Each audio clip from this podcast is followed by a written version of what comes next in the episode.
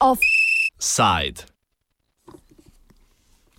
For science. Pregovorna političnost znanstveno-raziskovalne srednje ima svoje meje.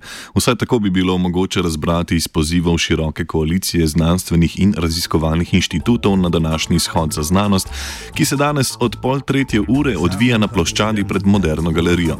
Shod je organiziran v sklopu globalnega gibanja March for Science, začetega na pobudo znanstvene skupnosti v ZDA, ki naslavlja probleme politične in javnofinančne zapostavljenosti raziskovalne dejavnosti ter socialne komercializacije njenih dognanj.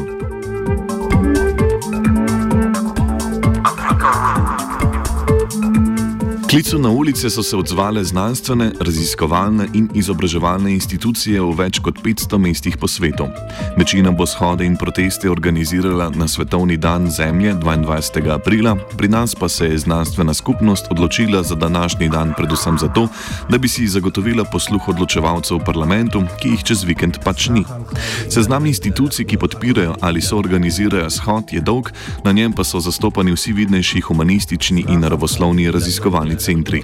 Od vlade zahtevajo, da poveča obsega in spremembo načina financiranja raziskovalne dejavnosti ter to področje tudi primerno pravno uredi. V okviru tega do leta 2020 pričakujejo postopni dvig proračunskih sredstev na en odstotek bruto domačega proizvoda. Direktor inštituta Jožef, Šte, Jožef, Stefan, pardon, Jožef Stefan Jadran Lenarčič povzame razloge in zahteve današnjega shoda. Na osnovi March for Science ni, uh, ni prav podlaga za zahteve, ki jih uh, slovenski raziskovalci postavljajo. Gre samo za motivacijo, da se je ta stvar uh, začela tudi v Sloveniji. V resnici gre pa za uh, tri reči, ne, da se slovenska znanost potiska nekako uh, uh, na obrobje uh, že od leta. Konstantno od leta 1998 naprej upada delež financiranja raziskav in razvoja v Sloveniji, govorimo o javnem denarju.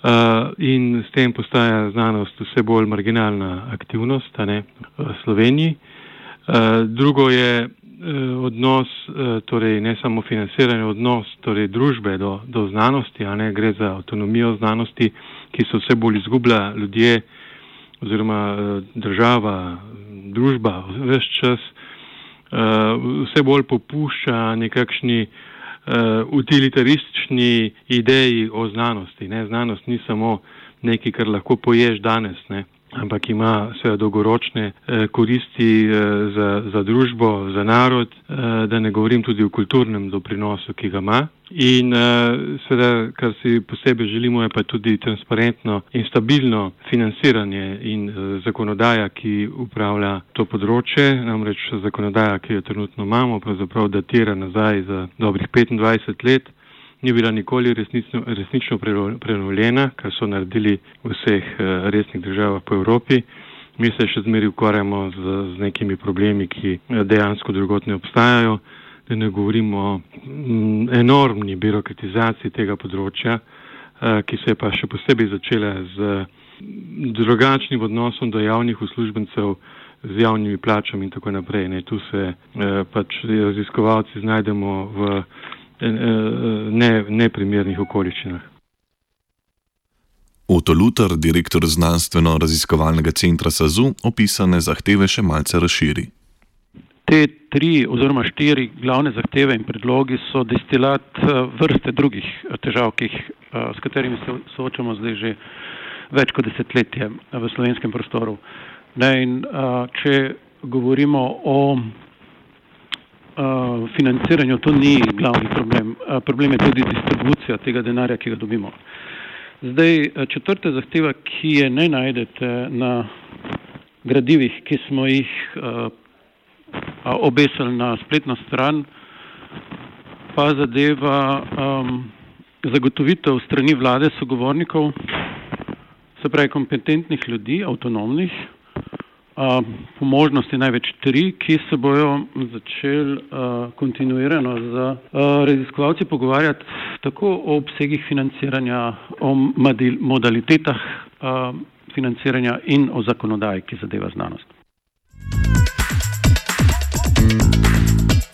Slovenska vlada ima že zadnjih šest let strateški dokument, ki vsaj nominalno opredeljuje cilje, ki naj bi jih v sodelovanju z znanstveno skupnostjo dosegali. O realnosti tega dokumenta govori Ana Rotar, raziskovalka Nacionalnega inštituta za biologijo.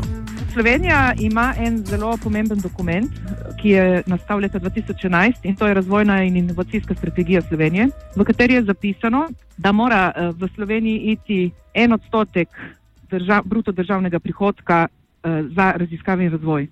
Žal smo šest let po tem uh, sprejetju tega dokumenta še vedno daleč od tega in v bistvu to je naša poglavitna zahteva, da se znanost začne financirati v skladu z obljubami, ki jih je sama država dala. Ameriški del gibanja March for Science ima v senci Trumpove politike za prioritetna področja okoljevarstveno in javno zdravstveno problematiko. Pri nas slednji nista v spredju, čeprav je doseganje ciljev okoljevarstvene politike daleč od ravni, ki bi jo aktivni na tem polju pričakovali. Luther v nadaljevanju današnji shod umesti v globalni kontekst. Zdaj, skupna agenda je avtonomija znanosti in seveda to, da bi v uh, razvitih državah morala znanost imeti bistveno večjo vlogo tudi v spostavljanju demokratičnih odnosov, kar je nekaj novega dost, uh, na tem področju. Ne? Zdaj se je znanost bolj ali manj vedno držala ob strani, kadar je šlo za, uh, razen seveda družboslovja, ne? kadar je šlo za analize družbenih situacij.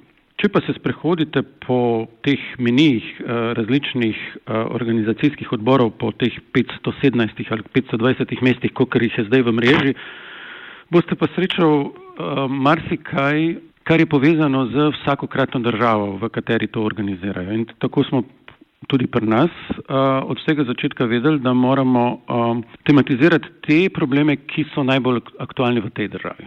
Da, seveda sprejemamo to krovno sporočilo, avtonomija znanosti vsekakor in ta drugi zanimivejši del okoli demokracije in znanosti, da pa za nas vsaj toliko pomenijo tudi te trije konkretni zahtevi, da se vendarle poviša ta delež financiranja, da se zelo dobro premisli, kako se ta sredstva uh, distribuirajo in da se končno, končno lotimo zakonodaje, ki je res arhajična.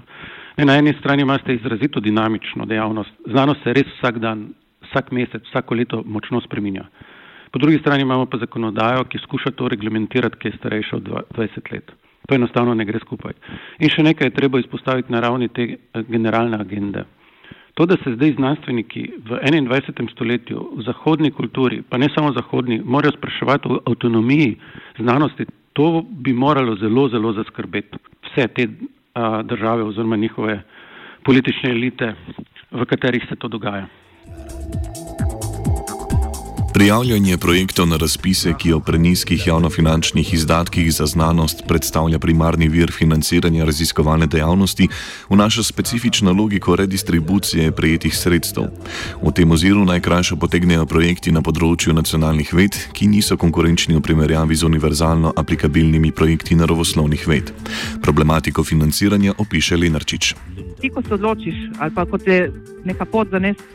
No, na vsak način gre tukaj za premajhen obseg? Eh, če tako relativno kot absolutno. Ne? Slovenija je padla na, že na 0,36% bruto družbenega proizvoda za raziskave in razvoj. To je, mi smo med najslabšimi državami v Evropi, ne? to je treba vedeti. Radi bi bili uh, v, v evropskem vrhu, radi bi bili, uh, kot kdo reče, svetilnik, ne? na tem področju pa nismo, daleč od tega. Ne? Ampak uh, in to se ponavlja iz leta v leto. Padec je vse večji. Ne. Zdaj, eh, zaradi preprosto premajhnega obsega financiranja tega področja prihaja do, do težav. Eh, največje se seveda pojavljajo na področju tako imenovanih mladih raziskovalcev oziroma mlajših raziskovalcev, torej to je raziskovalcev, ki vstopajo v proces, inovacijski proces. Eh, teh je To se je praktično razpolovilo v zadnjih letih, od leta 2009, od, celo od 2012 naprej se je razpolovilo. To pomeni, da uh, v proces ne vstopa zadostna količina mladih, ki, bi, ki bodo čez recimo deset let nosilci razvojne uh, dejavnosti v Sloveniji in uh, delamo, ustvarjamo uh, grozovito generacijsko luknjo. Podfinanciranost raziskovanja močno prizadene mlade raziskovalce.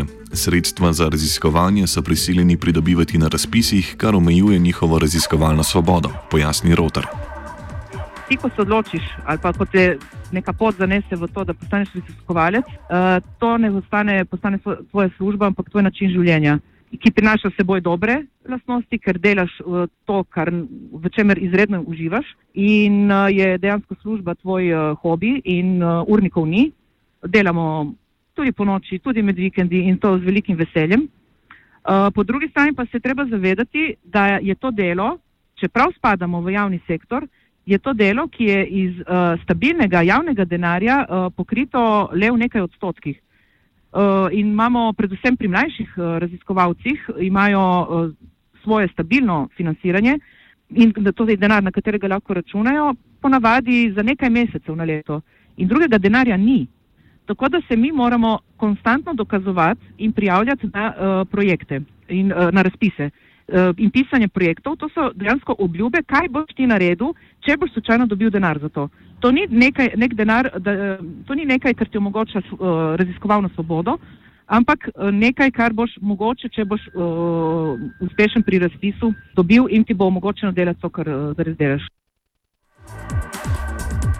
Pomankanje financ je prizadelo tudi raziskovalno opremo. To, ta je, kot pove Lenarčič, že zastarela, kar skupaj z ostalimi problemi privede do zmanjšanega števila mednarodnih izmenjav raziskovalcev, medtem ko v Sloveniji beležimo beg možganov. Lenarčič. E, veliko tega se pozna na, na tako imenovanih e, aplikativnih projektih. To so prav projekti, ki se izvajajo za gospodarstvo v sofinanciranju države, kar je zopet na glavo obrnjeno. Ne. E, pričakovali bi, da bo ravno tukaj največji največji interes za čim večje financiranje in uh, podobno se dogaja z infrastrukturo. Infrastrukturo praktično ne financiramo več, niti ne iz evropskih sredstev, niti ne iz nacionalnih sredstev, uh, kar pomeni, da uh, nam seveda razpada dobesedno pred očmi raziskovalna oprema. Mi smo uh, zdaj že 90% opreme je, je amortizirane, je nekonkurenčna. Uh, v znanosti ali si prvi na svetu ali nisi, ne? to ni nekje umestne. Se pravi, moraš biti odlično opremljen, moraš imeti odlične kadre. S tem, ko se to dogaja, seveda postajamo nekonkurenčni, nam ne prihaja toliko tujcev, kot bi moralo prihajati, ne? E, ker tukaj gre za izmenjavo, to je zelo pomembno. Naši mladi odhajajo v tujino, še najhujš pa je, da naši mladi ne vstopajo v, v inovacijski proces, to pomeni, da nikoli ne bodo prišli v ta, v ta prostor, ne, da jih narod preprosto izgublja, ne, ker to so rekel, redki posamezniki, ki imajo ta talent, ki so izredno uh, talentirani in zelo bi bili lahko uspešni, vendar se tega niti ne zavedajo, ker nimajo možnosti, tudi ne vstopajo v ta proces in nikoli ne bodo. Ne. Vsemu povedanemu na vkljub pa se je treba vprašati, ali bo zvišanje javnofinančnih izdatkov res odpravilo sistemske vidike težav, s katerimi se sooča znanstvena skupnost. Dodatnih 40 milijonov evrov ne bo spremenilo strukture slovenskega gospodarstva, ki ne zmore posrkati niti polovice znanstvenih dosežkov nastalih v raziskovalni sferi. Prav tako najverjetneje ne bo drastično vplivalo na kadrovsko politiko znanstvenih inštitucij, ki je in ostaja piramidalna. Prav tako bo treba proračunska sredstva sredstva od nekje vzeti. Pobožne želje bi bile, da bi se to razliko pokrilo iz davkov na gospodarstvo. Glede na pretekle prakse pa bi bilo bolj verjetno pričakovati, da se bo zgradil kakšen vrtec manj.